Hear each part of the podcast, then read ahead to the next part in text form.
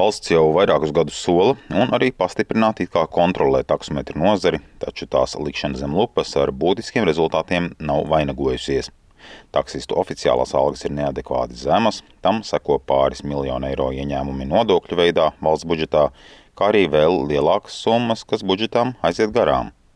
Dažādu ekspertu aplēses liecina, ka taksometru nozarē pelēkajā zonā strādā no 60 līdz pat 80 procentiem pārvadātāju. Bet, kā vērtē Finanšu ministrijas valsts sekretāra vietniece Olga Bogdanova, problēmas rodas ne jau tikai valsts makām. Skaidrs, ka tā problēma ir liela. Jā, tas, ko mēs redzam, un pie tās problēmas ir jārisina, tas nav tikai par nodokļiem, kas neienāk valsts kasē, bet tas arī ir par cilvēku aizsardzību. Jo bieži vien arī paši nu, cilvēki, kas ir nodarbināti šajā nozarē, viņi ir tie, kas nu, nemaksā arī sociālos nodokļus.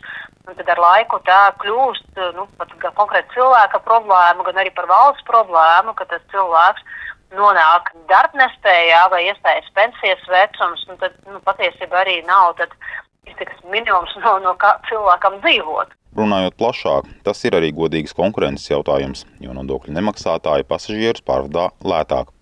Vēl viens aspekts ir paša braucēju drošība, izvēloties ēnu ekonomikā strādājošo taksistu pakalpojumus, par kuriem garantiju vai aizsardzības nav nekādas. Visi šie jautājumi aktualizēti tikšanās reizē, kuru valsts pusi pārstāvēja satiksmes un finanšu ministrijas, autotransporta direkcija un nodokļu iekasētāji. Savukārt nozares pusē pie sarunu galda bija darba devēju pārstāvji un arī lielākās taksometru kompānijas Bolt un Forus. Latvijas vieglo taksometru nozares darba devēja organizācijas vadītājs un kompānijas Smile Taxi valdes loceklis Aleksejs Ignatjevs tikšanos sauc par vērtīgāko kopš 2009. gada. Risināšanas variantu neizskicējas, bet tomēr mēs ļoti patīk, ka visi diezgan atklāti par visu runāja un gatavi sadarboties. Pat vīds, vīd pārstāvji arī. Galvenais taksometru šoferu profesijas eh, prestiža celšana, ja, lai nu, šoferīšiem un, un, un taksometru uzņēmumiem būtu svarīgi, lai pēc iespējas ilgāk palikt tajā tā nozare kā un vērtīgāk, jā, lai, ja, ja kāds sots vai kāds pārkāpums būtu ļoti kaitinoši teiksim, prestīžam, un, un, un, un lai pašam būtu teiksim, sirdsapziņas, bet nu, ne tikai sirdsapziņas, bet arī naudas dēļ. Ar apelēšanu pie taksistu sirdsapziņām gan ēnu ekonomika nozarē īsti nemazinās. Tāpēc Finanšu ministrijas pārstāve Olga Bogdanova atzīst, ka ir jāmeklē jaunas pieejas. Šī nozare ir gana sarežģīta ar to, ka nu, tur dalās gan baltie numuri, gan dzeltenie numuri.